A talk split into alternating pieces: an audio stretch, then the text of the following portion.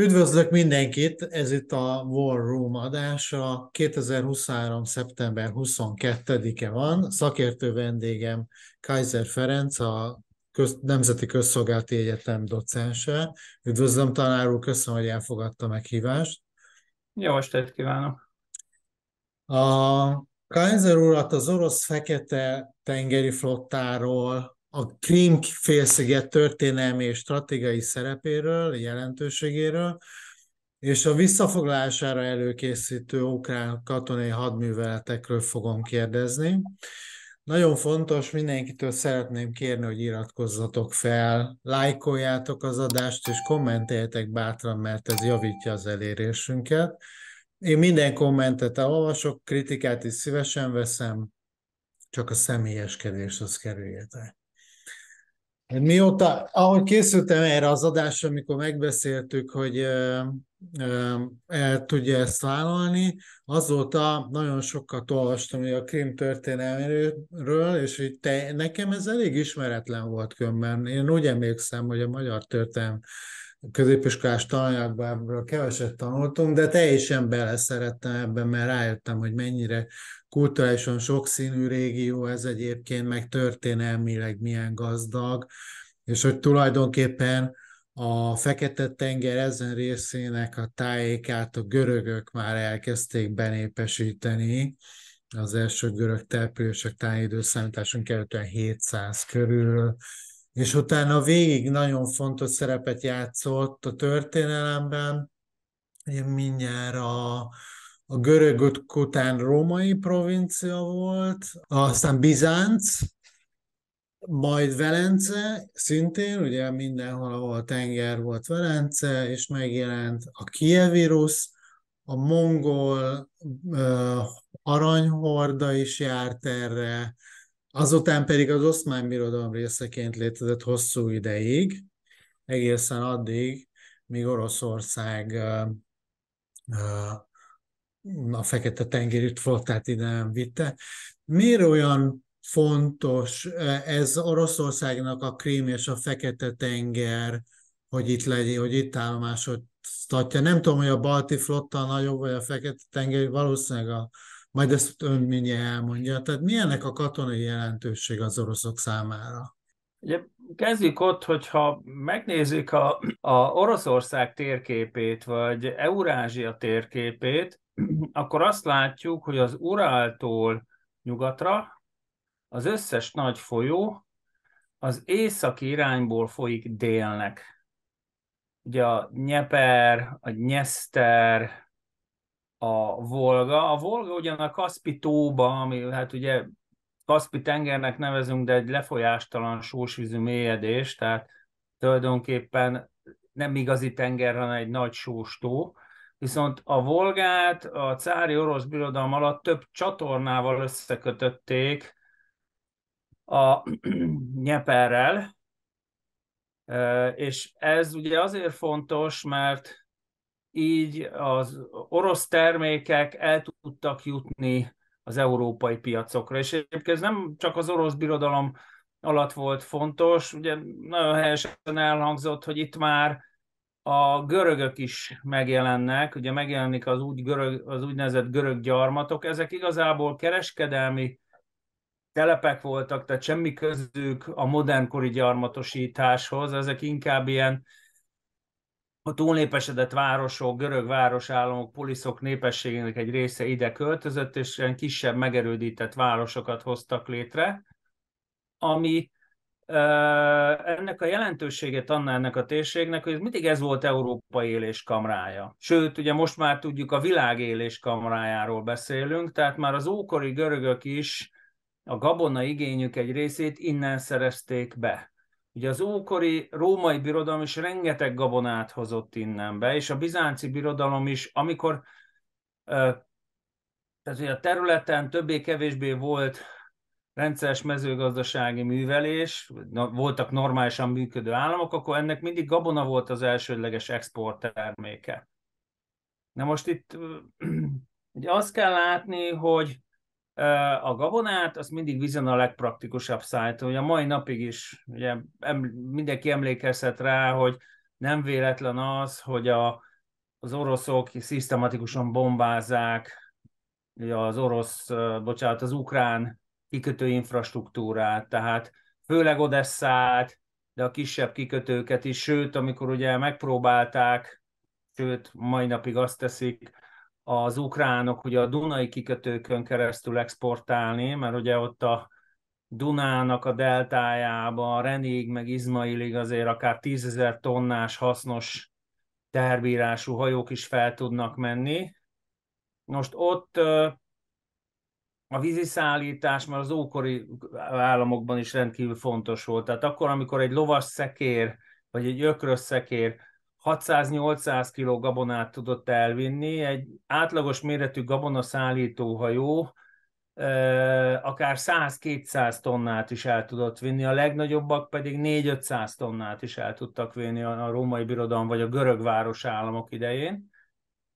És ugye a terület a cári orosz birodalom idején értékelődik fel igazán, hiszen ugye Oroszország a kőolaj meg a földgáz előtt mit adott el a világpiacra, mit adott el Európának, búzát, aztán ugye Amerika felfedezését követően kiderült, hogy ez a mostani e, kelet-ukrajnai, meg nyugat-oroszországi terület ideális a kukorica termesztésre is, tehát búzát, kukoricát, napraforgót, mézet, sőt az oroszok nagyon sokáig fát is exportáltak, mai napig is exportálnak egyébként Európába, illetve hát most már Európába kevésbé ugye a szankciók miatt. Ez mind tömegáru. Tehát ezt a legegyszerűbb, legpraktikusan hajón vinni, és ugye még egyszer az összes nagy folyó Oroszország európai részén, azaz az Uráltól nyugatra, északról folyik délre, és ami nem torkollik be, ugye itt a Volgáról beszélünk a Fekete-tengerbe, az betorkollik, azt csatornákkal összekötötték ugye a, a Donnal, és akkor már is van elérés a, a mm, Fekete-tenger irányába. Ugye ez azért fontos, mert Oroszország számára ez adta a következő terjeszkedési célt, hiszen a Fekete-tenger nagyon könnyen lezárható a Boszporusznál és a Dardanelláknál, úgyhogy Nagy Péter, akit ugye minden idők egyik legnagyobb orosz uralkodónak tartnak, bár pont Putyin szokta néha, hogy szokták a fiatalok mondani, savazni, amiatt, hogy nagyon nyugati irányba ment el, és mint tudjuk, minden, ami nyugati méte és a civilizáció pusztulása. Nagy Péter sikeresen kiáratot nyit a Balti tengerre. Ugye ez azért fontos, mert a Balti tengeren keresztül Oroszország a német államokhoz került közelebb, Németalföldhöz, Nagy-Britanniához, Franciaországhoz, tehát akkor e- Európa akkor megkockáztatom mostani gazdasági szívéhez. Viszont az orosz export számára fontosabb volt Szevasztopol, és azt sem szabad elfelejteni, hogy bár ugye Nagy Péter szerintem ő megalapította a róla elnevezett Szentpétervárat, de a klímaváltozásig a Balti-tenger egyfolytában befagyott, telentett. Tehát mind a két világháborúban németek pontosan tudták, hogy mondjuk így november elejétől, közepétől, márciusig az orosz, illetve a második világháborúban a balti, a szovjet balti flottával nem nagyon kell számolni, mert a hajók több méteres jégbe fagytak bele.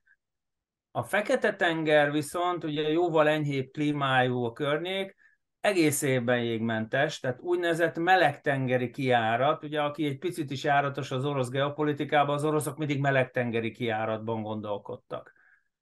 Ugye ez szintén egy nagy előnevű uralkodó foglalta el, ugye Nagy Katalin idején 1783-ban szerzik meg az oroszok a krímet, a Fekete-tenger északi partvidékének jelentős részével, ugye ezt a kücsük karnalcsai békében aztán be is betonozzák, és gyakorlatilag még abban az évben elkezdődik Szevasztopol flottabázissá való képítés, ugye itt a természet elvégezte a dolog nagy részét, hiszen ez itt a világ egyik legjobb természetes kikötője, amit ugye az utolsó jégkorszak gletszerei váltak ki.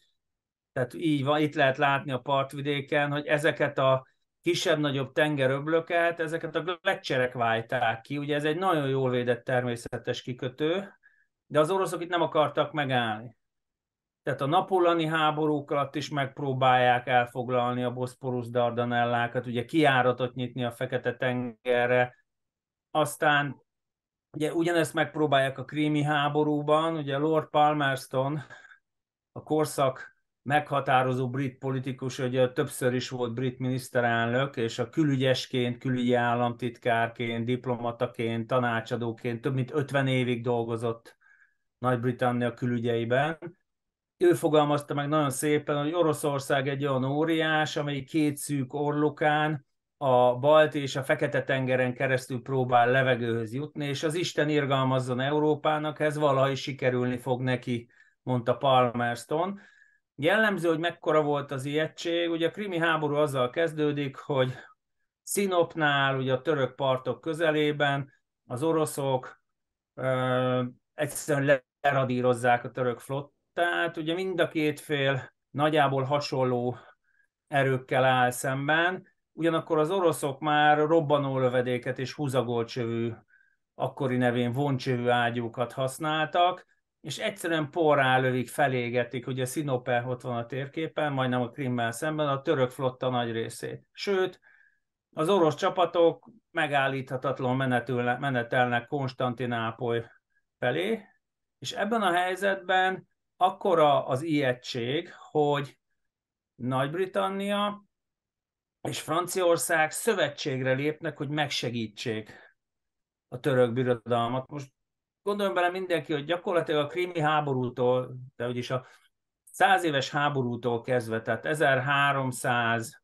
1337-től kezdve a napóleoni háborúk lezárásáig, 1815-ig ennek a két országnak a másik a fő ellenség. Tehát megszámolhatatlan mennyiségű háborút vívnak egymás ellen, de annyira megéjednek attól, hogy az orosz birodalom kijut a földközi tenger. Ugye a franciák is akkor már a földközi tenger északi részén, a földközi tenger déli partvidékén, Afrika északi részén, Algéria központból elkezdik a gyarmatosítást.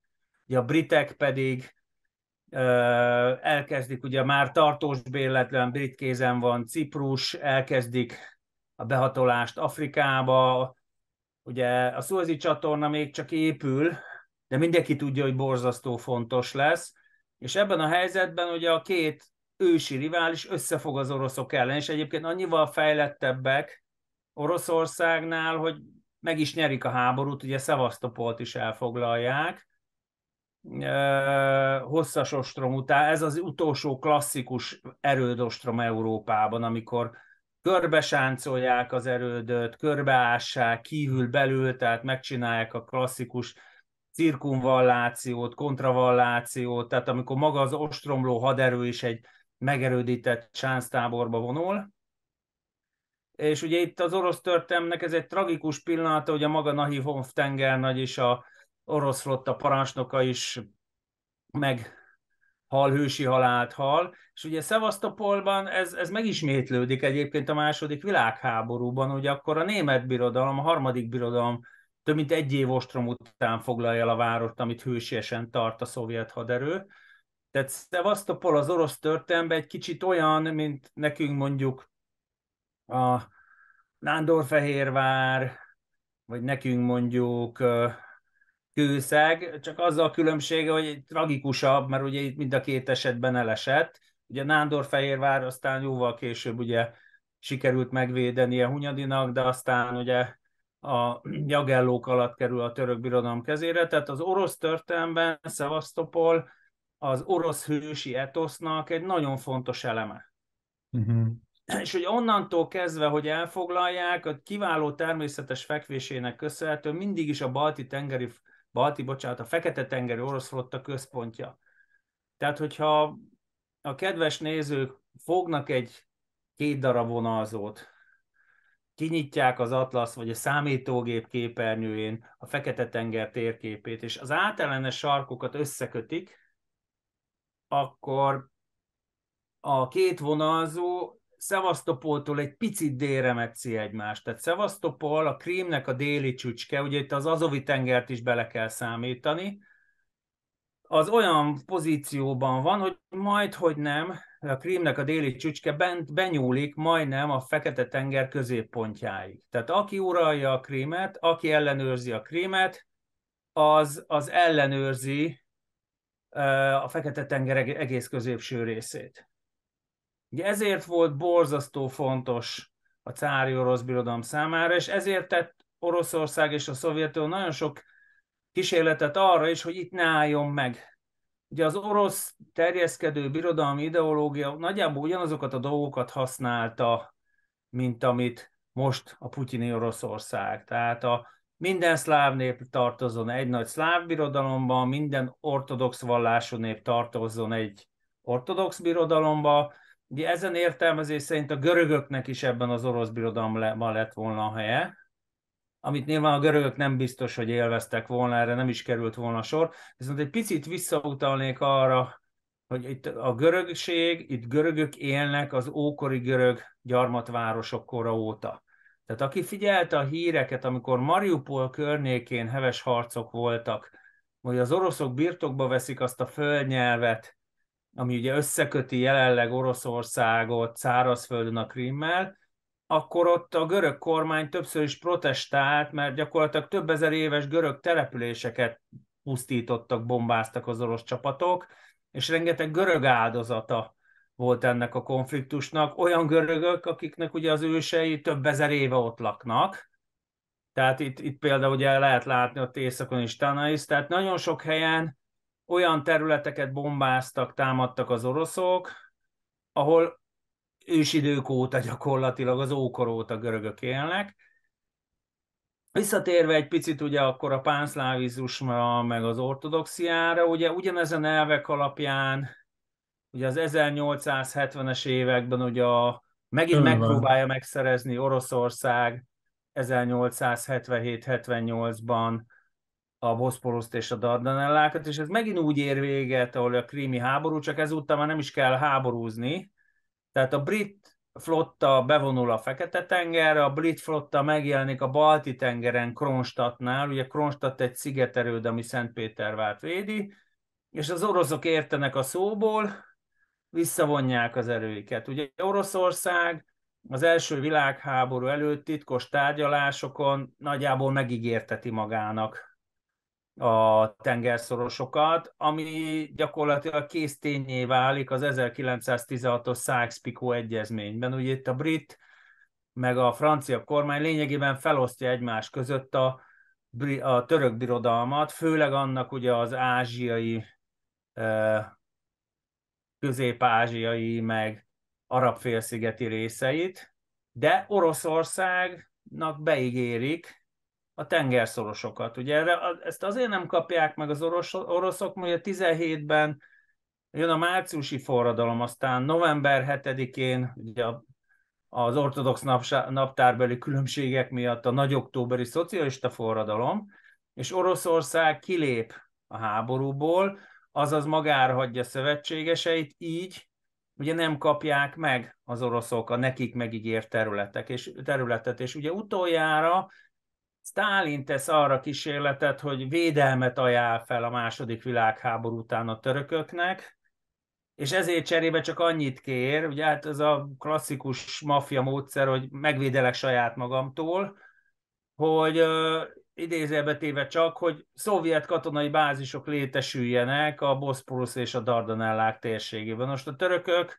Iszmet Inonő köztársaság elnök rögtön megérti ennek a lényegét, és először a britek kér segítséget, Nagy-Britannia viszont ugye a második világháború után komoly válságban van, ezért, és a britek azt mondják, ugye az akkori miniszterelnök Clement Attlee azt tanácsolja a törököknek, hogy fordulnak Washingtonhoz. És ugye Washington, az amerikaiak is tudják, ugye Truman elnök is pontosan tudja, hogy Stalin meg a Szovjetuniót nem szabad odaengedni az úgynevezett török szorosok közelébe, tehát a Boszporuszhoz és a Dardanellákhoz, és ugye felállítja az Egyesült Államok azt a hatodik flottát, ami mai napig a földközi tenger, fekete tenger térségében működik elsősorban. És a hidegháborúban a Szovjetuniósokban tartása volt a feladata, most meg az orosz Oroszországsakban tartása. De ugye ez még mindig nem változtat azon az lényeges tényen, hogy Oroszországnak szüksége van a Fekete-tengerre, mert a gabonáját, a kukoricáját, a napraforgóját és egy csomó más mezőgazdasági terményt, például a mézet, ott tudja a legkönnyebben, leggyorsabban és legolcsóbban kijuttatni a világpiacra. És nagyon fontos ebből a szempontból, hogy ugye Szevasztopol mellett Odesszát is Nagy Katalin építeti fel, a már említett Kücsikajnarcsai béke után, ami azért fontos, mert Odessa nem Ukrajnának épült, tehát nem egy Ukrajna életű ország külkereskedelmét kellett kiszolgálni, hanem az orosz birodalom fekete-tengeri kapujának épült Odessa. Tehát Odessa ugye több folyó, a Duna torkolathoz is közel van, a Nyeperhez is közel van, a Nyeszterhez is közel van, tehát gyakorlatilag Odessa lett az a kikötő, ahova a belvízi hajózással, meg kisebb fekete-tengeri partmenti hajókkal a tömegárukat egy helyre összehordták, és onnan jutott el Nagy Katalin korától kezdve, kivéve ugye azokat a konfliktusokat, amikor a török birodalom, vagy a második világháborúban ugye a török köztársaság lezárta a tengerszorosokat a hadviselők előtt, mindig ez volt az orosz külkereskedelem fő útja. Tehát uh-huh. Odessa legalább olyan fontos az oroszok számára külkereskedelmi szempontból, az a kikötő infrastruktúra, az nem Ukrán, Ukrajna méretű országra épült ki. Az a világ egyik legnagyobb kereskedelmi kikötője lehetne, ha nem csak az ukrán termékeket exportálnák rajta keresztül. Nyilván adott helyzetben nem valószínű, hogy Oroszország belátható időn belül, ha valaha egyáltalán képes lesz Odesszát kereskedelmi célokra használni. Nyilván, amíg ukrán kézen van, nem, nem is tervezi, de amúgy sem egy jó ötlet mm, ez Oroszország igen. részéről. Tehát itt nem csak Szevasztopol fontos az oroszok számára, nem véletlen az egyébként, hogy a 22. februári agresszió megindítása előtt a Balti-tengeri flotta legtöbb partra szállító egysége átmozgott a Fekete-tengerre. Sőt, még az északi flottától, azaz a Jeges-tengerről is hoztak partra szállító hajókat. Ugye az eredeti terv valószínűleg az lehetett, hogy az orosz flotta, amikor az orosz támadás úgy áll, akkor Szevasztopolból ugye lehet látni, hogy ez egy gigantikus kikötő, rengeteg rakparta, rengeteg kikötési lehetősége, nagyon komoly javítási lehetőségekkel, hogy innen egy nagyméretű tengeri deszantot hajtanak végre Oroszország tengerészgyalogos erői Odessa mi egyébként valószínűleg meg is pecsételte volna Ukrajna sorsát, de ugye az ukrán ellenállás az messze meghaladta nem csak az orosz várakozásokat, szerintem az egész világ nem gondoltam, hogy Ukrajna ilyen sikeresen hely tud állni. És ugye ezekre az orosz deszant álmokra, ezekre, mármint partaszálló műveleti elképzelésekre, ezek a Moszkva cirkáló elsüllyesztéssel tette fel a pontot. A Moszkva ugyanis kifejezetten légvédelmi feladatokra lett felújítva. Ugye eredetileg ezt több célú cirkálnak építették, borzasztó régen, még a Szovjetunió idején állt szolgálatba. Ugye a hajó olyan régi, hogy akkor még Szlava néven ez vitte uh, Mihail uh, Gorbacsov, szovjet első titkárt a Máltai csúcs találkozóra, tehát gyakorlatilag a hajó már ekkor bekerült a világtörténetbe. Viszont 21, 19 és 21 között a hajó légvédelmét eléggé alaposan felújítják, kifejezetten azzal a célral, tehát ugye a felszíni célok ellen, hajók elleni bazi nagy robotrepülőgépeit, amit ugye a fedélzeten itt is lehet látni, a hatalmas konténerekbe helyezték el, azokat nem bántották, de a légvédelmi rendszert alaposan korszerűsítették. És ennek fényében iszonyatosan nagy blama volt az, hogy az a hajó, aminek eredetileg az lett volna a feladata, hogy az egész támadó orosz kötelék légvédelmét biztosítsa, a saját magát sem tudja megvédeni, illetőleg egyébként azért, mert vagy karbantartás, vagy műszaki hiba, vagy csak emberi felelőtlenség miatt, úgyhogy alig több mint 100 kilométerre volt az ukrán partoktól, elsüllyesztik az ukránok kettő darab Neptun hajó elleni robotrepülőgéppel úgy, hogyha Moszkvában, Moszkva légvédelme úgy működött volna, hogy papíron tud, akkor, akkor nem ezt a kettőt, hanem 20 beérkező robotrepülőgépet le kellett volna lőni, és ugye onnantól kezdve, hogy nem volt légvédelmi fedezet, Ugye ez a légvédelmi fedezet, ez nem csak az ellenséges repülőerők ellen, ugye a modern légvédelmi hajóknak a fő feladat nem is annyira a repülőeszközök megsemmisítése, hanem a közeledő rakétákat és robotrepülőgépeket kell megsemmisíteni. Ezzel gyakorlatilag Oroszországnak nem maradt arra esélye, hogy sikeres partoszálló műveletet hajtson végre Odessa ellen. Ráadásul ugye egy sikeres partoszálló művelet csak akkor lehet igazán sikeres a szárazföld felől, a támadó orosz páncélos ezt a tengeri deszantot fel tudják menteni.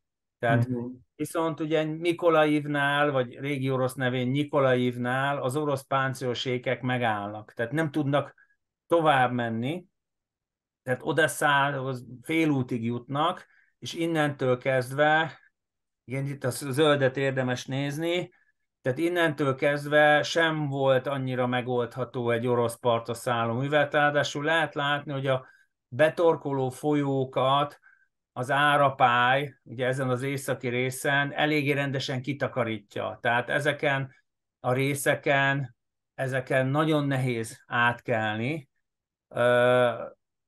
Hersonnál ugye árulás révén az ottani ukrán titkosszolgálati főnök, hát valószínűleg komoly anyagi támogatásért cserébe nem robbantotta fel azokat a hidakat, amiket fel kellett volna robbantania, viszont a Mikolaiv térségében az összes idat felrobbantották az ukránok. Tehát ezzel gyakorlatilag már a háború első másfél hónapja után kiderült, hogy Odessa belátható időn belül nem kerül az oroszok kezére, meg az is, hogy egy nagyobb tengeri deszant műveletet a még ukrán kézen maradt partszakasz ellen sem tudnak megkockáztatni mm. az orosz erők. Tehát egyre több elemzőtől hallottam azt, hogy a Krím elfoglalása, vagy az oroszok kiszorítása onnan az ukránok kezében egy olyan fontos fegyver lehetne, amivel az oroszokat igazából tárgyalóasztalhoz lehetne ültetni, vagy pedig olyan politikai vereség lenne ez Putyinnak, amit átgondolnák, hogy hogyan folytassák tovább ezt a háborút. Lehet, hogy ezért, de lehet, hogy másokból. Minden esetre most itt augusztusban, vagy most értek el odáig a technikai fejlettségben, hogy most itt augusztustól kezdve és szeptemberben nagyon intenzív támadásokat láttunk a Krím irányába. Próbáltam összeszedni ilyen kronológiai szempont, kronológiai rendben ezeket, Ugye beszéltünk a Moszkva cirkálóról, az volt az első ilyen nagyobb, akkor augusztus 4-én volt a Kercsi hídat több támadás érte, arról beszéltünk régebben, és augusztus 4-én volt egy, egy, az első ilyen fontosabb talán támadás, ez a Oleg, Oleg Negorski Gornyak nevű hajó ellen, partosszállító hajó ellen, ami azért is érdekes egyébként, mert ezt a Gdanszki hajógyárba építették 1976-ban. Igen, igen, ugye a szocialista országok között volt egyfajta munkamegosztás.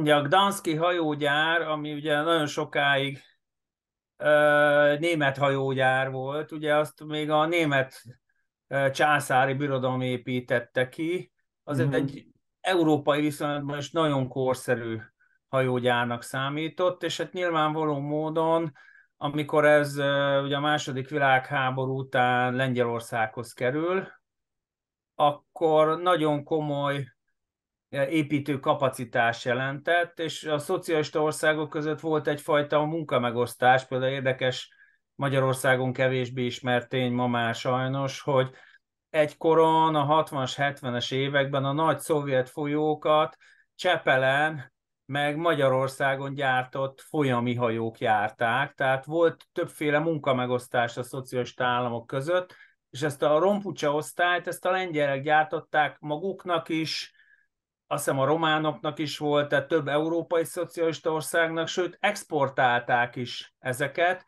Ugye ez azért fontos, mert ha egy ilyen ha egy hadihajó megsérül, akkor a legegyszerűbben tartalékalkatrészt, meg javítá, javításhoz szükséges anyagokat az eredeti gyártóhajógyárban lehet találni, meg onnan lehet megrendelni. Most mivel ez egy lengyel hajógyár, ezért ugye a rombucsáknak a javítása megoldhatatlan. Ugye az ukránok tudatosan támadják ezeket a hajókat, hiszen ők még mindig félnek attól, hogy esetleg egy kisebb deszant művelete, igen, ezt egy ukrán ilyen hát távirányítású motorcsónak, drónnal támadták, meg ugye Ukrajna rengetegféle variációban fejleszti ezeket, már köztük olyan is van, ami félig meddig víz alatt közlekedik.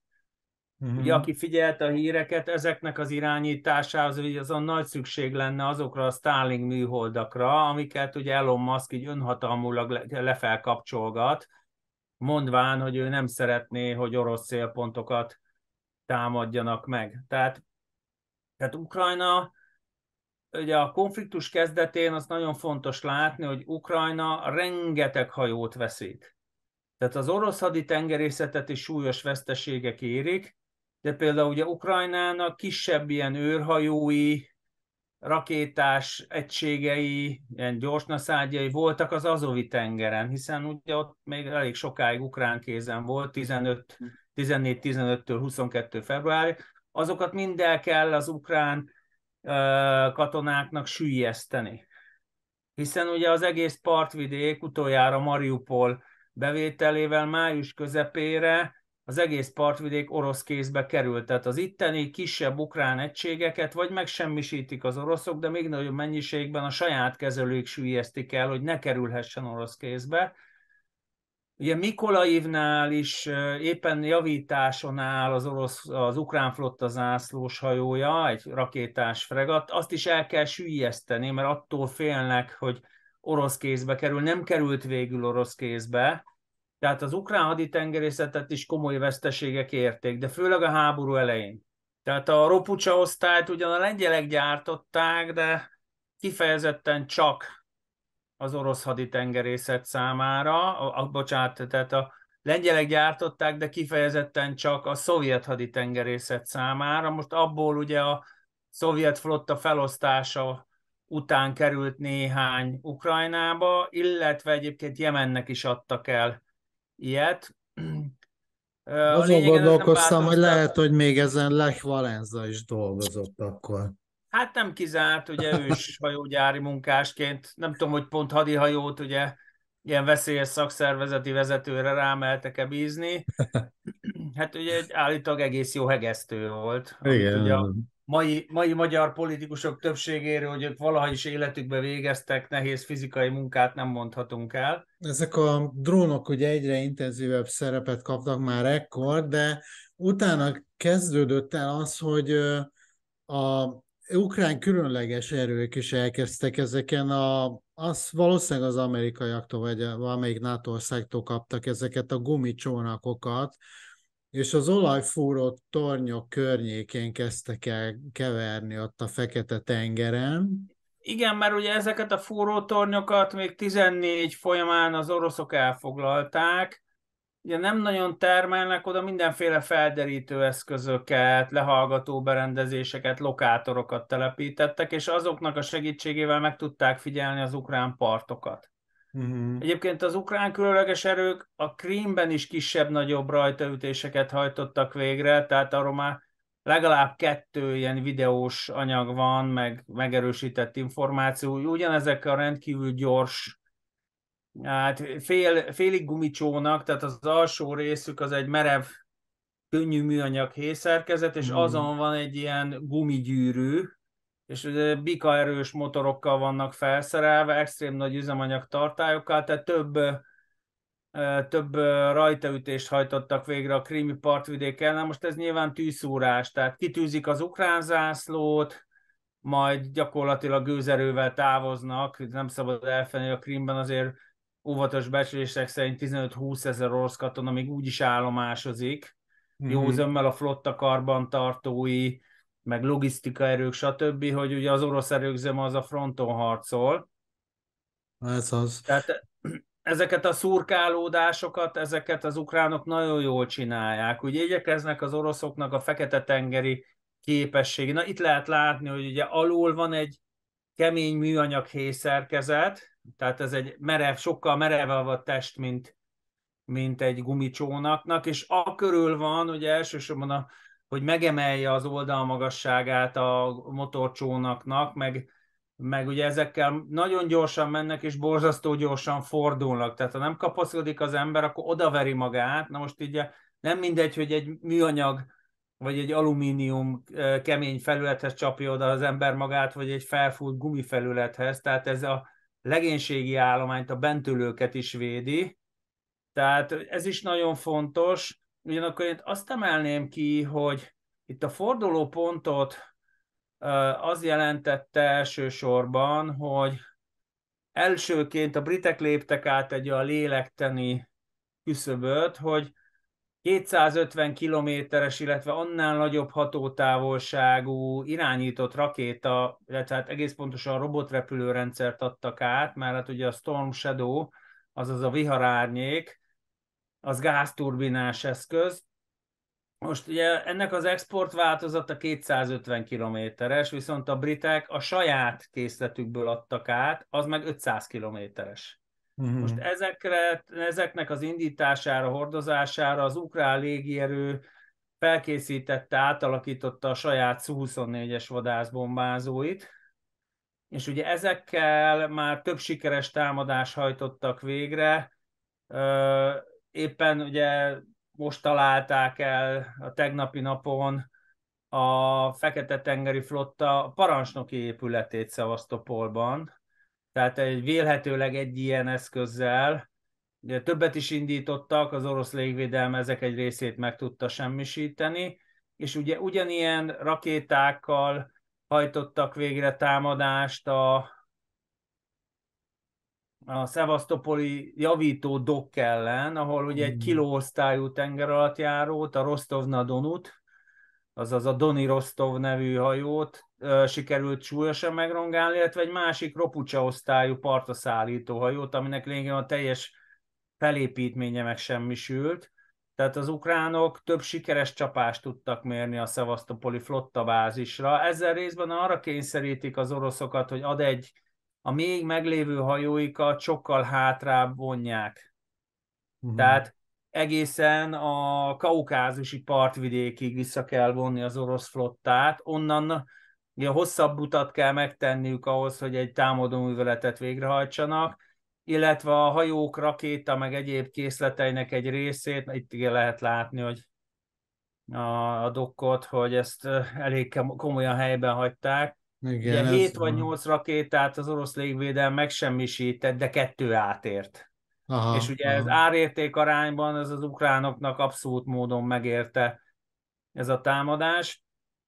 Ez az egyik következő, amit mondtam, az volt, hogy az orosz flottát gyakorlatilag ki, vissza kellett vonni a Fekete-tenger keleti partvidékéhez. A másik pedig, ami legalább olyan fontos, hogy jelentős orosz légvédelmi egységeket, nagy hatómagasságúakat, mint az S-300, S-400-as, meg ugye kis hatómagasságú úgynevezett csapatlégvédelmi rendszereket is vissza kellett vonni a Krímbe.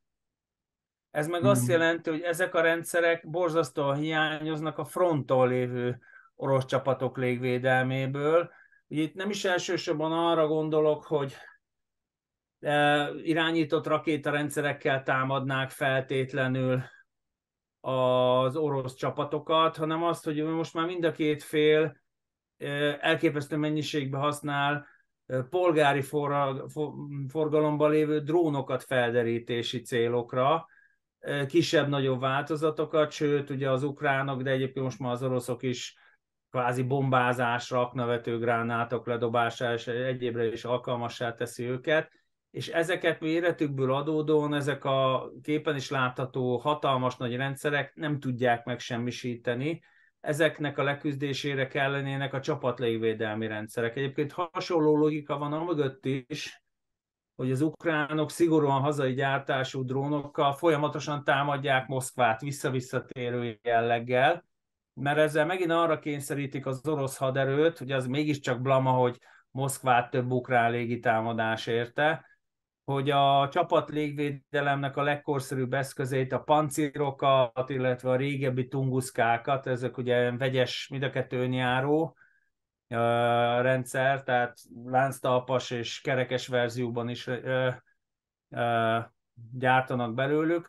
Ugye ezeket gépágyúkkal is felszerelik, meg kisebb rakétákkal, ezek képesek leküzdeni a drónokat, és ezek képesek az alacsony magasságon érkező manőverező robotrepülőgépeket, mint a Storm Shadow leküzdeni. Tehát ezeket, ezeket ki kell vonni részben az arcvonalból. Pancires, azt hiszem az a... De itt van, itt ez, ez látszik, ez egy kerekes verzió, tehát jól látható a hat, hat rakéta, és egy picit jobban figyelnek a nézők, akkor közvetlen a lokátor mellett látszik a gépágyú csöve, és a lokátor nem, van ugye egy tűzvezető, Aha. lokátor, meg van egy másik, ugye az egyik felderíti, megfogja a célt, a másik pedig rávezeti a rakétát, de ott mellette az egyik oldal jól látható a gépágyúcső, a másiknak inkább csak az árnyéka látszik, de az is ott kilóg a vége. Ezek a rendszerek rendkívül korszerűek, több helyi háborúban is bizonyítottak, csak becslések szerint maximum 200 darabot gyártott el belőle Oroszország, ezzel lőtték le Prigozsinék Moszkvába menet, azt hiszem a kamukokat. Igen, igen, mert... ilyennel lőttek le ők is mhm. orosz helikoptereket, és ezek közül már több megsemmisült. Tehát ez ritka kincs, annál is inkább már rengeteg nyugati csippet és más szankció alatt álló elektronikai alkatrészeket tartalmaznak ezek a rendszerek, és egyelőre még nem sikerült mindegyiket kínai, meg más egyéb csippel kiváltani. Tehát Aha. ugye ez, ezek a támadások nem csak az orosz fekete-tengeri flotta meg a Krím ellen irányulnak, ezek egy picit tehermentesítik az arcvonalban lévő ukrán erőket, és lehetővé teszik azt, hogy az ukrán erők szabadonban használják az orosz arcvonal fölött a drónjaikat azzal, hogy arra kényszerítik Moszkvát, hogy ezen eszközök egy részét más stratégiai falak fontos célpontok védelmére hátra vonja. Mm. Még akartam ezt mutatni, hogy az egyik eh, krími támadásnak a fő célpontja az állítólag egy eh, Néva eh, M nevű radarrendszer volt, és egy Kasta 2, 2 a másik, ezt most nem tudom, ez éppen melyik. Mindjárt meg, ja, ez a Mindjárt meg, egy pillanat. Ezekkel a rendszerekkel egyébként az, szinte az egész fekete tengert látják az oroszok. Aha. Tehát, hogy ugye mind a két fél iszonyatos felderítő kapacitásokkal rendelkezik, értve ez az, hogy az ukránok főleg a NATO meg az amerikai rendszerekkel rendelkeznek, tehát mind a két fél részéről nagyon fontos szerepe van a valós idejű felderítésnek. Ugye ezzel, ennek köszönhetően képesek a másik erőire mozgás, mozgás közben csapás, mert ugye ebből már több konfliktus volt, Ugye az orosz légtér közelében ott köröznek a NATO gépek, a különféle felderítő eszközök, például a Reaper drónok, ugye ebből is volt konfliktus, hogy egy orosz 27-es légem ütközéssel semmisített meg egy Reaper-t. Nem ez volt a cél. Ugye bevált módszer az, hogy, hogy az orosz pilóták mondják lepisilik a drónt, tehát áthúznak fölötte, és rángednek a kerozinból. Ugye van egy vészleeresztő rendszer, hogyha a gép olyan állapotba kerül, hogy gyorsan le kell szállni, és túl nagy a súly, akkor az üzemanyagot le lehet ereszteni, tehát ráeresztenek, lelocsolják üzemanyaggal, és amikor legközebb áthúznak fölötte mellette, akkor meg ráadják az utánégetést, uh-huh. tehát megpróbálják felgyújtani a drón. Na most ugye a Reaper incidensnél az orosz pilótának annyira jól sikerült közel repülni, hogy gyakorlatilag a vezérsíkja, vagy a egyik szárnya, nem tudni pontosan, mert ugye a drón felvételből nem derült ki, megütötte a drónnak, a Reapernek a toló légcsavarját, és elgörbült ugye a látszik felvétel az egyik lapát, és ezért az amerikai, itt látszik igen, hogy engedi a kerozin, ezért az amerikai operátorok úgy döntöttek, hogy inkább irányítottan megsemmisítik, tehát uh, zuhanó repülésbe vitték, és miközben a gép zuhant, minden fontos informatikai adatot, meg mindent kitöröltek a rendszerből, mert nyilván az oroszok azonnal megkezdték, hogy megkezdték a kiemelést, tehát megpróbálták ezt, ezt megszerezni. Mm.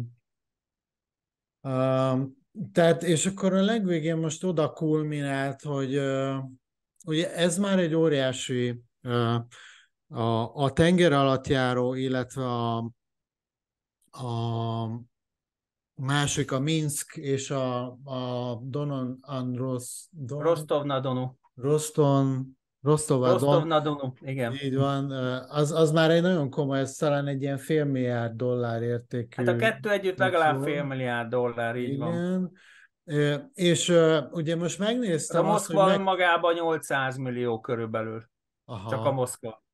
Ugye az 12.500 tonnás, az egy hatalmas nagy rakétás cirkáló volt. Az egyik legnagyobb hajója az orosz haditengerészetnek hadihajó. Annál nagyobbak rendszerben csak a balisztikus rakétaordozó cirkálók, meg a Kirov rakétás csatacirkálók, de azok ugye az északi flotta állományában vannak. Ugye azok annyira nagyok, több mint 20 ezer tonnások, hogy a balti meg a Fekete-tenger egyszerűen nem érdemes őket bevezényelni, mert nem, nem oda lettek tervezve, tehát azok ilyen óceánokon átívelő feladatokat is akár végre tudnának hajtani. Uh-huh.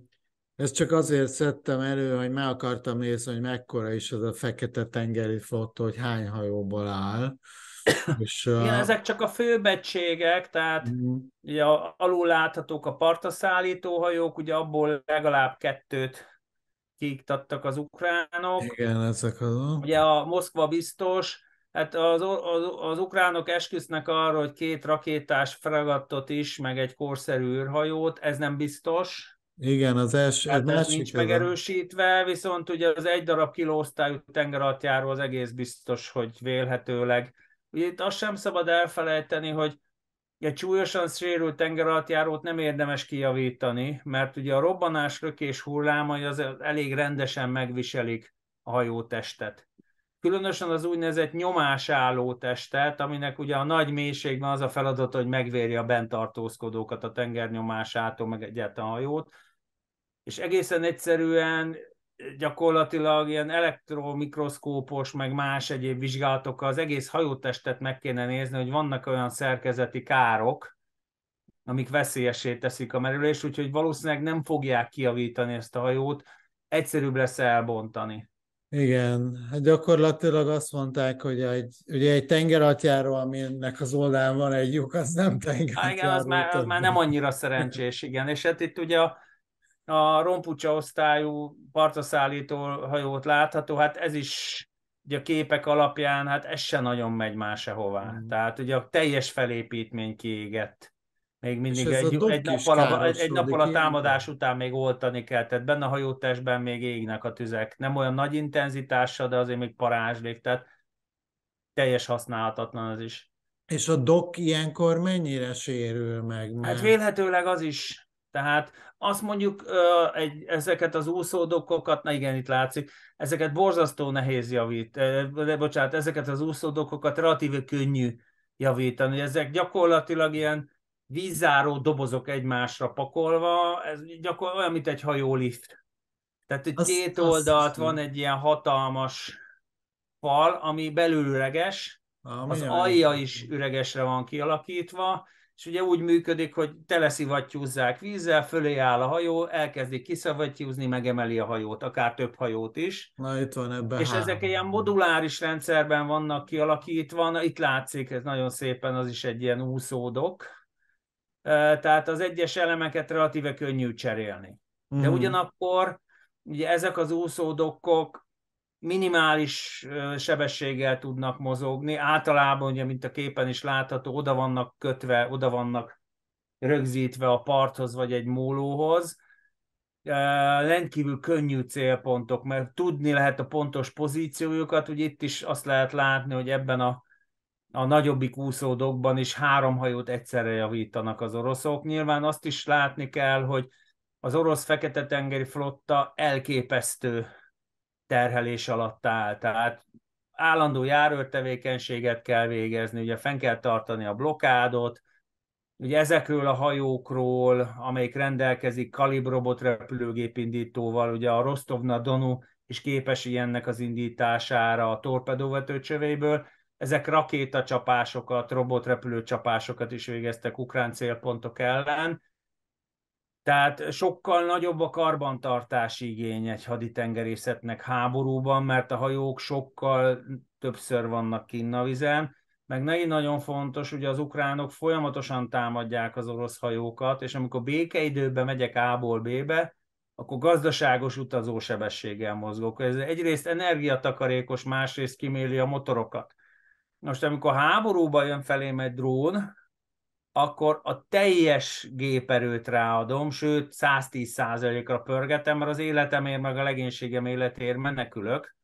Tehát egy hadműveletek közben folytatott manőver bevetés, az sokkal jobban eszi a technikát, mint a békeidős. Emiatt is sokkal fokozottabb a karbantartás igény az orosz Fekete-tenger flottánál, és ugye itt ezek a, kész, ezek a képességek még mindig elsősorban Szevasztopolban vannak. Magukat a dokkokat egész egyszerű lenne átvinni ugye mm. a, a Kaukázushoz, tehát ugye a Fekete-tengernek a keleti partvidékére, viszont nem szabad elfelejteni, hogy a raktárak, azok Szevasztopolban vannak, tehát a csavaroktól kezdve a tartalékmotorokig, a lőszerig, a tartalékágyúcsövekig minden gyakorlatilag Szevasztopolban van. Tehát egészen egyszerűen ott kell javítani, mert ezek a képességek, ezek a raktárok, hogy itt több százezer tonna anyagnak az átmozgatásáról lenne szó úgy,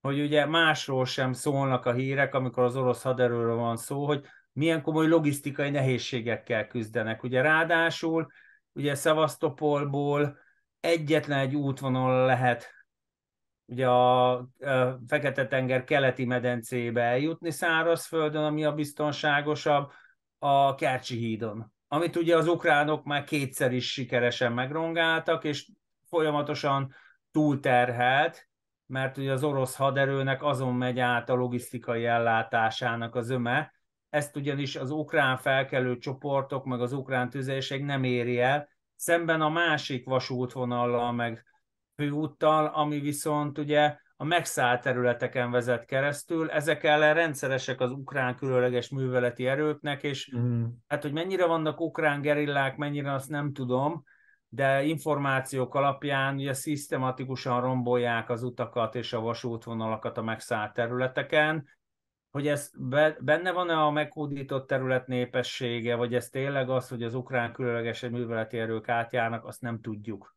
Mm-hmm. Ukrán állítások szerint azok a felkelt nép, az oroszok szerint az ukrán különleges műveleti erők. Én inkább hajlok arra figyelembe véve, hogy az oroszok milyen brutálisan torolnak meg mindent a polgári lakosságolás bucsa, hogy ez inkább az ukrán különleges műveleti erőknek a tevékenysége, kevésbé a lakosságnak a szabotőr és más egyéb tevékenysége.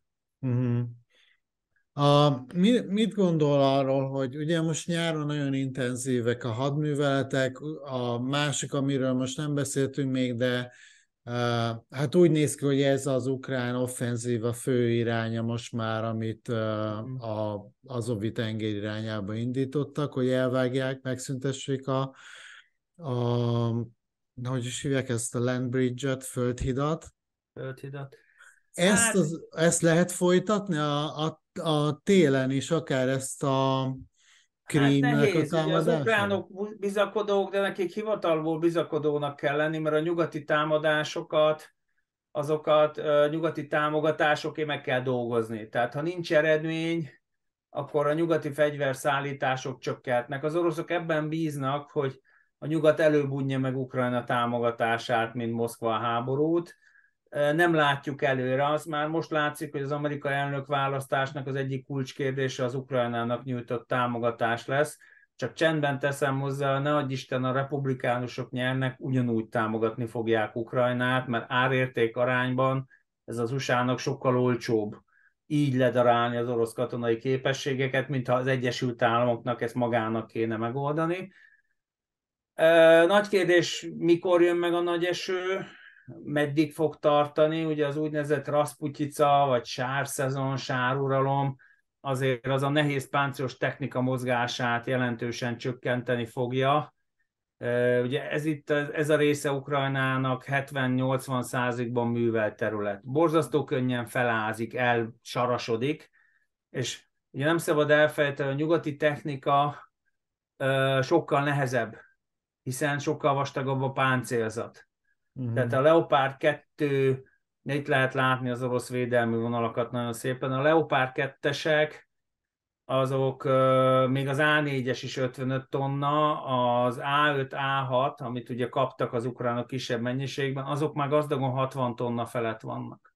Mm. Tehát azok ugyanúgy elkaparják magukat a sárban, sőt, valószínűleg könnyebben, mint az orosz technika. Tehát nehéz eszközökkel, gyalogsági harcjárművekkel, harckocsikkal, ez az ukrán támadás nem gondolom, hogy a nyakigérő sárban folytatható. Az, hogy az ukránok mennyire fogják erőltetni a gyalogsági támadásokat, ugye jól lehet látni, ilyen megerődített védvonalak ellen, ez pokoli nehéz. Hmm.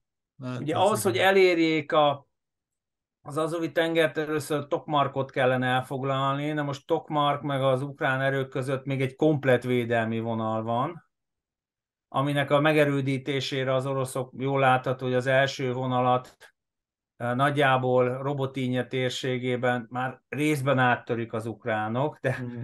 ugye ott van még egy reteszállás, ott a következő védvonal plusz Tokmar körül véletőleg körkörös védelmet építettek ki az oroszok, tehát az sem olyan egyszerű elfoglalni. Onnan még el kéne jutni Melitopolig, ugye déli-délnyugati irányban, és Melitopoltól is még 60 km. Ott van Melitopol Oh, a másik irány, tehát nyugat felé. Igen. Ott van az a nagyobb négyzet Melitopol, és még onnan is egy 60 kilométer az az tenger. Tehát ha csak valamelyik orosz alakulat nem roppan össze, uh-huh. nincsen erre utalójel. Tehát mondjuk egy vagy két dandár összeroppan, és elkezd menekülni. Tehát keletkezik egy akkora rés az orosz arcvonalban, hogy az ukrán erők ott úgy tudnak áttörni, hogy közben az oldal két oldalt lévő orosz erők nem tudják erre teszelni az áttörést, tehát nem tudják lezárni. Én nem gondolnám, hogy az ukránoknak sikerülhet az idejében elérni az Azovi tengert. Gondoljunk bele, hogy a zölden jelölt területeket, amik nagyjából mutat a térkép, nem itt, ugye a Herszoni híd főném, azt még tavaly novemberig számolják fel, itt ugye ezen a középső arcvonalon, ezt körülbelül három és fél hónap, négy hónap, majdnem négy hónap alatt foglalták el. Igen, igen.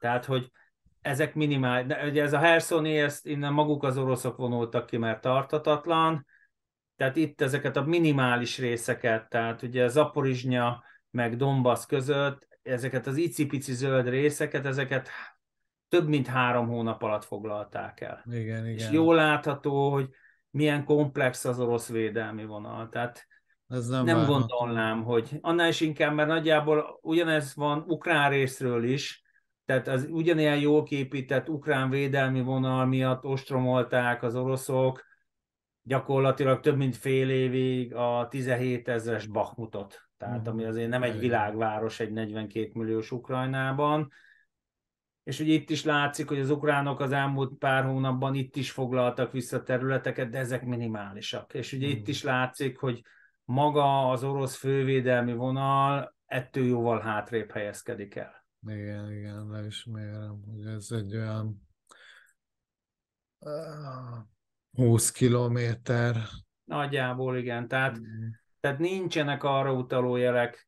Az ukránoknak viszont muszáj erőltetni a támadást, mert a nyugati államok látni akarják, hogy az ukránok használják az általuk átadott felszereléseket. Igen. Tehát, hogy hogy Pedig... mennyire bölcsen, az, az nagy kérdés. Én úgy gondolom, hogy Ukrajna azért igyekszik takarékosan bánni. Ugye egyszer egy-két nagyobb méretű támadással próbálkoztak, súlyos veszteséggel jártak, azóta visszamentek a bevált receptúrára, folyamatos tüzérségi tűz, az orosz logisztikát, a lőszerraktárakat lövik, és kisebb erőkkel igyekeznek kisebb sikereket elérni. Ez működni tűnik, viszont ez nagyon lassú. Tehát Pár tucat kisebb falut tudtak az ukránok visszafoglalni, de mint látható, jelentős területi nyereséget nem tudtak elérni. Tehát azért a tavalyi év nagy sikereit, ugye Hersonnak a visszafoglalását, vagy szeptember folyamán, ugye a Harkiv térségében, amikor szó szerint áttörik az orosz védelmet, és Igen. Uh, ugye ott Moszkva elkövette azt a hibát, hogy zömmel belügyi csapatokat állomásoztatott ott, és azok tényleg pánikba estek, Ugye az a kócos zöld rész, azt még maguk a, az, az oroszok írítették ki április folyamán. Tehát ugye az még a háború elejé terv volt, hogy elfoglalják Harkivot, meg Kievet. Ugye ezt áprilisra belátják, hogy nem megy, és akkor átmozgatják az erőiket. És ugye itt, itt a nagy, az ellentámadással ugye az ukránok apránként szorítják vissza Harkiv térségéből, az orosz erőket, majd szeptemberben ugye több helyen áttörik a védelmi vonalat.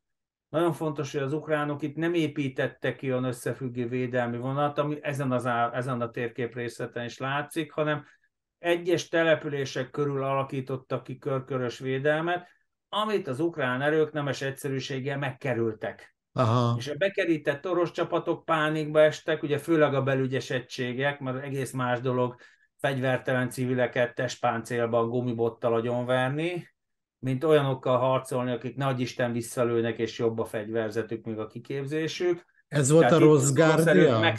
Tessék? Ez volt a rossz gárdia? Ugye? A részben rossz gárdia, részben más belügyes egységek, és ugye délen már árnyalja az ukrán sikert, hogy a déli, a, ugye a Herszoni hídfőből ugye a Prigozsin pucsba belebukott Szurovikin hadseregtábornok ö, volt az, aki meggyőzte Putyint arra, hogy az itt lévő közel 20 ezer katonát és nehéz fegyverzetet ki kéne menekíteni, tehát nem uh-huh. szabad hagyni, hogy ezt az ukránok ledarálják, mert az itt az, azt a három hidat, amin keresztül el lehetett látni az ukrán, az orosz erőket, ugye a a Nyeper folyón, azt a HIMARS sorozatvetőkkel az ukránok effektíve rostává lövik. Igen, igen. És ugye Szurovikin érdeme egyébként az is, hogy ő volt az, aki elrendelte ezeknek a védelmi állásoknak a kiépítését. Nem véletlenül hívják úgy ezeket, hogy Szurovikin vonal. Tehát katonaként Szurovikin független attól, hogy hát mondjuk úgy háborús tevékenysége, meg az emberi jogok nem igazán metszik egymást, tehát nem sok közös keresztmetszet van. Ugye szíriai tevékenységével, Aleppo porrá bombázásával vívta ki magának a nem túl hízelgő Armageddon tábornok nevet. Ez, de ugye katonaként nem lehet elismerni, hogy, hogy ő, ő egy sikeres, jó katonai parancsnok volt orosz szempontból. Nyilván a szír polgárlakosság, meg az ukránok ezt, ezt nem egészen így látják teljesen természetes módon. Úgyhogy, úgyhogy Akartam mutatni még egy, ugye mindig az ukránoknál én azt mondjuk, én azt nagyon ilyen érdekesnek találom, meg sokszor ilyen tényleg le, lenyűgöző, hogy ilyen nagyon találékonyak, a fejlesztéseikben, ugye a drónokat ők hozták nagy részbe be ebbe a háborúba, hogy most már az oroszok is hatékonyabban alkalmazzák. Most láttam egy, egy ilyen videót, amin ami arról szól, hogy milyen hatékonyan használnak ilyen álca, vagy hogy mondják ezt, ilyen álcaháló, meg álcázó nem, hanem amikor ilyen... Ilyen ö, maketteket? Igen, igen. Ö, azt nagyon sok építek. nyugati cég is gyártja, az oroszok is, tehát hogy gyakorlatilag majdnem úgy néz ki, mint az igazi pláne a levegőből, azért közelről látszik a különbség. Ugye ez, ez például azért jó, mert az oroszoknak a, a kamikáze drónja, vagy szép nevén cirkáló lőszere, a Zala Euro, azért az egyrészt sokba kerül, másrészt nincs belőle elég. Uh-huh. És nyilván, ha ez egy ilyen barkács munkával készült, és nyilván közelről nem annyira meggyőző 122-es vontatott tarack imitáció, akkor árérték arányban az ukránoknak ez egyrészt már jó, másrészt, ugye nem mellesleg, pedig ezzel egy létező, sokkal értékesebb technikát mentettek meg. Mhm. Használnak az oroszok is ilyeneket egyébként, tehát mind a két fél rendkívül ügyes a különféle megtévesztő csali célok kihelyezésében. Az ukránok abból a szempontból abszolút kreatívak, hogy ők, ők bármit képesek. Aha. Tehát ugye ők voltak azok, akik, és e, ez nagyon ügyesen jelenítik meg a médiában is, hogy polgári célra gyártott drónokat, drónokhoz nyomtattak 3D nyomtatóval bombakioldót Aha. És vannak felvételek, hogy az orosz harckocsinak a lövegtornyának a buvónyilásán dobta be a kis kézigránátot Aha. egy ilyen drón. Na most nyilván a harckocsi páncélzata egy mezei kézigránát ellen véd. De ha a pihenő álló harckocsiban, ugye akkor szellőztetnek, nyitva vannak, a, ott benrobban egy gránát, az egész más.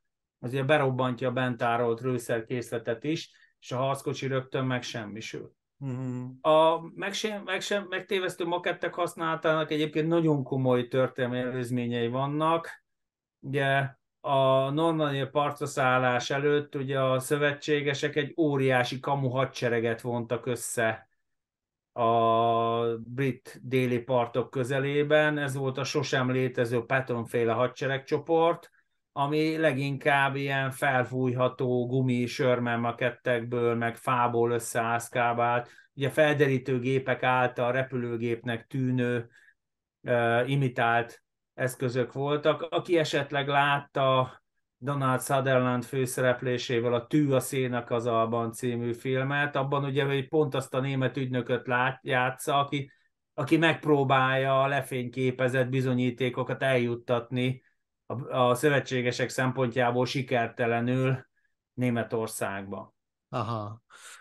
A, csak ezt be akartam megmutatni a nézőknek, hogy mert ez talán Igen. ez nem annyira ismert, és... A háborúban az emberek pont... borzasztó kreatívak. Aha. Tehát ugye, aki emlékszik rá, az első hetekben minden ukrán nagyvárosban molotov koktélokat gyártottak tömegesen. Ez, ez egy M1-es makett. Tehát ez már megjelent, a, a, az M1-es még nincs ott a fronton, de úgy látszik. De már makett van, tehát hogy több leopárdról is kiderült, amit az oroszok úgymond megsemmisítettek, hogy ilyen makett volt, tehát hogy nagyon ügyesen, igen, ezt összerakják púrhabból, meg, és aztán mm. szépen terepszínűre festik. És mm. innen nyilván Mórickának tűnik, közvetlen közelről, de ugye nagyobb, itt azért lehet látni a lövegcsöveknél és az aknavetők csőtorkolatánál, hogy, hogy, hogy ezek nem valódi eszközök, de ugye a légi felderítés nem ilyen Abszolút. pontos. Plusz uh, ugye a, a polgári forgalommal használt drónok, ahol ugye egy okos telefonon keresztül nézzük, azok sem tudják ezt mondjuk két-háromszáz méter magasságból megkülönböztetni. Annál lejjebb meg nem nagyon mernek menni, mert ott már a, a különféle kalasnyikovokkal, illetve más könnyűlő fegyverekkel is, kézilő fegyverekkel is el lehet őket találni. Tehát, hogy ezeknek megvan a maguk helyük és szerepük ebben a rendszerben hajókból is építenek egyébként ilyen csalikat, csak ugye az ukránoknak már nem nagyon van hadihajók, az oroszok meg oroszokat meg az egész NATO figyeli, tehát, és megosztják az ukránokkal, tehát az oroszok valahol felépítenek egy csali hajót, az ukránok előbb tudnák, hogy az egy makett, az egy műcél, mint hogy az oroszok azt befejeznék. Jó, akkor utolsó kérdésem az lenne, hogy beszéltünk arról, hogy ugye az oroszoknak az egyik hát reménye lehet ebbe a háborúban jobban szerepelni, vagy kezdőben lezárni, ha elfogy a támogatás az ukránok mögül. És most végül is, ugye Oroszországnak is már komoly lőszerhiányjal küzdenek, és most jött létre egy találkozó nem régen, amiben a Kim Jong-un meglátogatta az orosz államfőt Putyint Vladivostokban, azt hiszem, Sőt, nem is Vladivostokban találkoztak, ennél sokkal agasztóbb, hogy hú, de írta akartam mondani, melyik kozmodrómban, a Vostosni, tehát a Vostosni új központban, ugye az azért fontos, mert az az orosz rakétakutatásnak is az egyik központja, tehát valószínűleg azt valószínűtik a nyugati szakértők, hogy a lőszerért cserébe ez nem csak tüzérségi lőszereket jelent. Ugye nagyon fontos tudni, hogy észak a szovjet eredetű, de részben már saját fejlesztésű tüzérséggel rendelkezik, de ugyanazokat a szovjet szabvány, mostani orosz szabvány 122-es és 152-es taraszgránotokat használja, mint az orosz haderő. Sőt, ugye a BM-21-es rakéta sorozatvetőnek, az úgynevezett Gradnak, amit Moszkva a legnagyobb mennyiségben használ, is van észak-koreai kopia, és észak ahhoz is gyárt rakétát. Ugye egyes beslések szerint sőt, orosz bloggerek is írtak ilyet, nem tudni mennyire megbízható, hogy az üzlet úgy szól, hogy 10 millió tüzérségi lőszert ad át Észak-Korea Oroszországnak, zömmel gránátokat, tehát 122 és 152 mm-es gránátokat, ezért cserébe rakéta technológiához kap hozzáférést, részben orosz rakéta alkatrészeket kap, részben, igen, érkezik a páncélvonaton Kim Jong-un, részben pedig élelmiszert, ugye Észak-Kórában állandó az élelmiszer hiány, nagyon komoly éhínségek vannak az országban, műtrágyát, ami ugye segít a saját mezőgazdaságnak a termelékenységét növel, és mivel Észak-Kórának csak szene van, vélhetőleg kőolat és földgázt is. És nem mellesleg, nem szabad elfelejteni, hogy Vladimir Putyin, független attól, hogy most éppen nyugati megítélés szerint agresszív hódító háborút vív és kicsit őrült diktátorra hasonlít, a harmadik világ számos országában szalonképesnek számít. Kim Jong-un a világ legtöbb országában teljesen szalonképtelen, tehát uh-huh. neki ez egy óriási személyes diplomáciai siker is.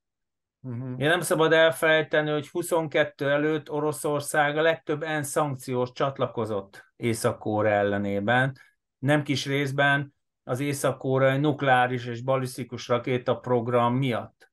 Most pedig azt látjuk, hogy Oroszország vélhetőleg ebben is segít Észak-Kórának. Tehát ez is azt mutatja, hogy azért Oroszország is nem csak Ukrajna van borzasztóan szorult helyzetben, hanem azért Oroszországnak is szűkülnek a lehetőségei. Ugye az is jól mutatja, hogy mekkora a baj, hogy a világ úgymond katonai szuperhatalma ezer szám veszi az öngyilkos drónokat, vagy katonai nevén cirkáló lőszereket a nagyon sokáig lebecsült uh, Irántól. Tehát Irán számos fegyverfejlesztési területen, ezt azért senki nem gondolta volna, Oroszország előtt jár. Mm. Tehát Moszkvának azért megvannak a saját nehézségei, de nyilván ez a nyugati világ szempontjából ez a találkozó, aminek ugye már volt előzménye, hiszen egy bő másfél hónappal korábban ugye Szergej Kozsugetovics Sojgu orosz védelmiszter három napot volt Fenyamban, tehát mm. valószínűleg akkor készítették el ezt a találkozót, itt azért ö, Oroszország nagyon komoly lőszerkészletekhez jut. Nem szabad elfelejteni, hogy ezt észak valahogy vélhetőleg vasúton el is kell juttatni az arcvonalba, tehát azért nem lesz egyszerű logisztikai feladat ez sem. És ami különösen amerikai szempontból aggasztó, hogy valószínűleg észak ennek köszönhetően jobb rakétákkal, és egyes beslések szerint, egyes kalkulációk szerint akár jobb atomfegyverekkel is fog rendelkezni, mert az sem kizárt, hogy Moszkva atomfegyver fejlesztéshez is adott néhány tippet. Nem lehet tudni.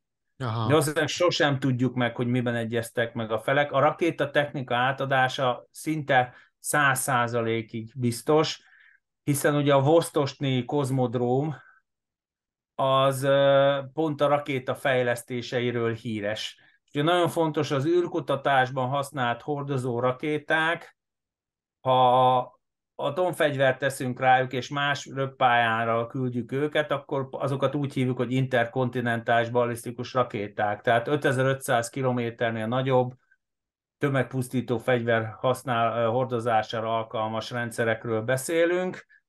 Észak-Koreának ennek, óriá, ennek óriá, erre óriási szüksége van, hiszen egyes becslések szerint legalább 30 atomtöltete már most van Észak-Koreának, és ha ezekhez több tesztel be tudja bizonyítani, hogy vannak olyan hordozó eszközei, amikkel nagy biztonsággal elér az Egyesült Államokat, akkor azért nagyon komoly nyomás alá tudja helyezni Washingtont. Ö, nem valószínű, hogy észak bevetni ezeket az eszközöket, de hát egy picit közelről nézzük Kim Jong-un fejét, kizárni sem lehet. Mm. Tehát, hogy a saját testvérét megölette, a saját nagybátyját kivégeztette, tehát itt azért az ő esetében van egy őrült diktátor faktor, amit, amit nem lehet százszájúan kizárni, hogy biztos nem fog bevetni atomfegyvert. Nyilván annak Kína sem örülne, hiszen egy amerikai válaszcsapás a kínai határ közvetlen közelében, több nagy kínai város is van ott, de nyilván északkorra bevet atomfegyvert az USA ellen, akkor az USA ugyanazzal fog visszalőni, tehát itt azért, itt azért vannak aggodalmak nem véletlen, hogy Kína látványosan nem örült ennek a találkozónak. Ugye Kína nagyon ügyesen a háttérből támogatja Észak-Koreát. Tehát Észak-Korea véletlenül mindig akkor csinálta a balhét, amikor Kínának az diplomáciailag és más egyéb szempontból jó jött. Észak-Koreának Kínától függött a túlélése. Kína gyakorlatilag lélegeztetőgépen tartotta Észak-Koreát, azért nem is nagyon engedte megerősödni a rezsim gazdaságát. Most ezzel gyakorlatilag Kim Jong-un egy picit függetlenítette magát Pekingtől.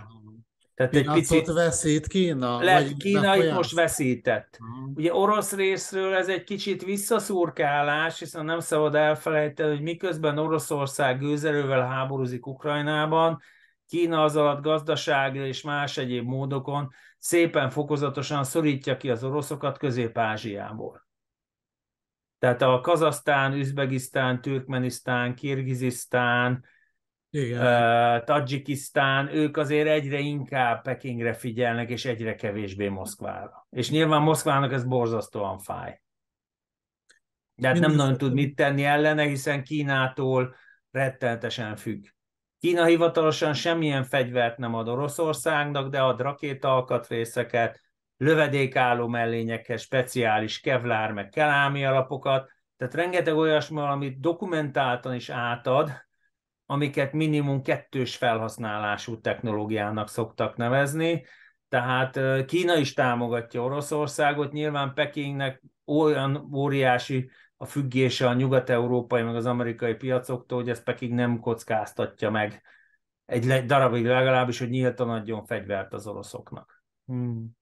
Minden esetre ez Oroszországnak nagy segítség lesz, akkor ezért Abszolút, gondolom több millió. A 10 millió lőszer, lőszer tényleg igaz, Aha. Ugye az orosz csapatok most egyes kalkulációk szerint a napi 50 ezer tüzérségi lőszert, és ebbe beleértve a gránátokat, meg a nem irányított rakétákat lőnek el. Aha. Egy békésebb napon is 20-30 ezret ellőnek. Hmm. Na most, ha 20 ezerrel számolok, ami a minimális becsült mennyiség, amit egy teljesen normális napon, amikor szinte nem is mozog a front, nincsenek is támadások ellőnek, hát 20 ezerrel számítva a a 20 millió az, az, egy, az gyakorlatilag egy száznapos mennyiség. Mm. Tehát azért az egy irgalmatlan segítség Oroszországnak. Ugye közben azért az orosz ipar is csúcson van, tehát az oroszok is, ami a csövön kifér, gyártanak, de ez nem elég.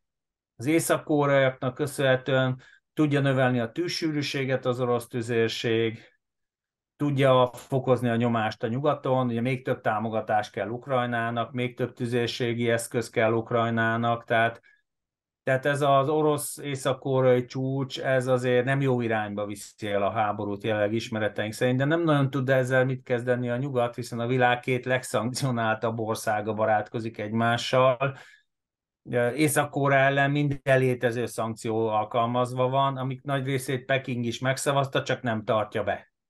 Uh-huh. Oroszország ezeket mind megszavazta, és nagy részben is tartotta, viszont idén február óta értelemszerűen önös érdekétből jogosan egyébként, hát miért tartaná be, szépen lassan megszegte. Uh-huh. Jó. Rendben. Meglátjuk, mit hoz a jövő. Vagy a... Hát ez az, egy darabig nem lesz béke az egész biztos. Ne, én, én igazából... Tűzszünet se. Én csalódott vagyok, mert én most, most kezdtem el ezt így belátni, hogy én azt hittem, hogy lehet, hogy adtam rá esélyt, hogy 2023-ban vége lehet ennek, de most Hát, nem. Ö, ennek borzasztó egyszerű oka az is, hogy Oroszország pontosan tudja, hogy amíg a az ukránok háborúban állnak, ez nem kell, hogy nagy intenzitású legyen. Ilyen alacsony intenzitású, befagyott konfliktus is jó, amíg Ukrajna nem uralja a saját területét, addig a NATO nem tudja felvenni, hiszen ha felvenné úgy, hogy orosz megszálló erők vannak a Krímben, meg Kelet-Ukrajnában, akkor az ukránok rögtön a felvétel másnapján mondanák az, hogy kedves NATO, hát itt egy agresszor engem megtámadt. Ötödik cikkely. Tehát Oroszország szempontja ez egy borzasztó kényelmes megoldás. Ugye orosz területeket azért nem nagyon érint a háború, na Moszkvába egyszer-kétszer becsapódott egy-két drón, egy-két kisebb orosz falu közelébe lepotyogott ez az, de ugye nem halnak meg orosz civilek ezer számít Ukrajnában az ukránok. Moszkva ezt a világ végéig el tudja húzni. De amíg Putyin él, addig egész biztos. Lehet, hogy az inten, sőt, biztos, hogy az intenzitása csökkenni fog. De biztos, hogy nem, hogy béke nem lesz, tűzszünet se. Nagyon lesz. Azt az ukránok sem szeretnék, hogy a Minsk 1 meg a Minsk 2 után Ukrajna azt látta, hogy Ukra- Oroszország az elkövetkezendő bő 7 és fél 8 évben leginkább felkészült Ukrajna teljes megsemmisítésére. Tehát még egy hasonló tűzszünetbe az ukránok, ha épeszüknél vannak, már pedig általában reálisan dönt az ukrán vezetés, már csak azért sem mehetnek bele, mert mindenki pontosan tudja, hogy Moszkvanak csak az idő arra kell, az így nyert idő, hogy felkészüljön a következő fordulóra. Hogy picit normalizálja a kapcsolatait a nyugattal, újra elkezdjen eladni nagyobb mennyiségben energiahordozókat, meg amit tud a nyugati piacra, lehetőség szerint beszerezzen mindenféle nyugati csippeket, bespájzoljon belőle alaposan, és akkor úgy érezte, hogy felkészült, akkor megint megpróbálja Ukrajnának az eltüntetését a térképről. Mm, igen, igen, igen. Nagyon köszönöm, tanár úr, Kérem. hogy, hogy segített ebben eligazodni. A, nektek tőletek azt kérem, hogy iratkozzatok fel, és akkor én ígérem, hogy hamarosan újra jövünk egy elemzéssel. Remélem, hogy sikerül újra találkoznunk tanárúrral, mondjuk egy hónap múlva, vagy amikor már lesz újabb fejlemények ebben. Köszönöm szépen, minden jót, kellemes végét!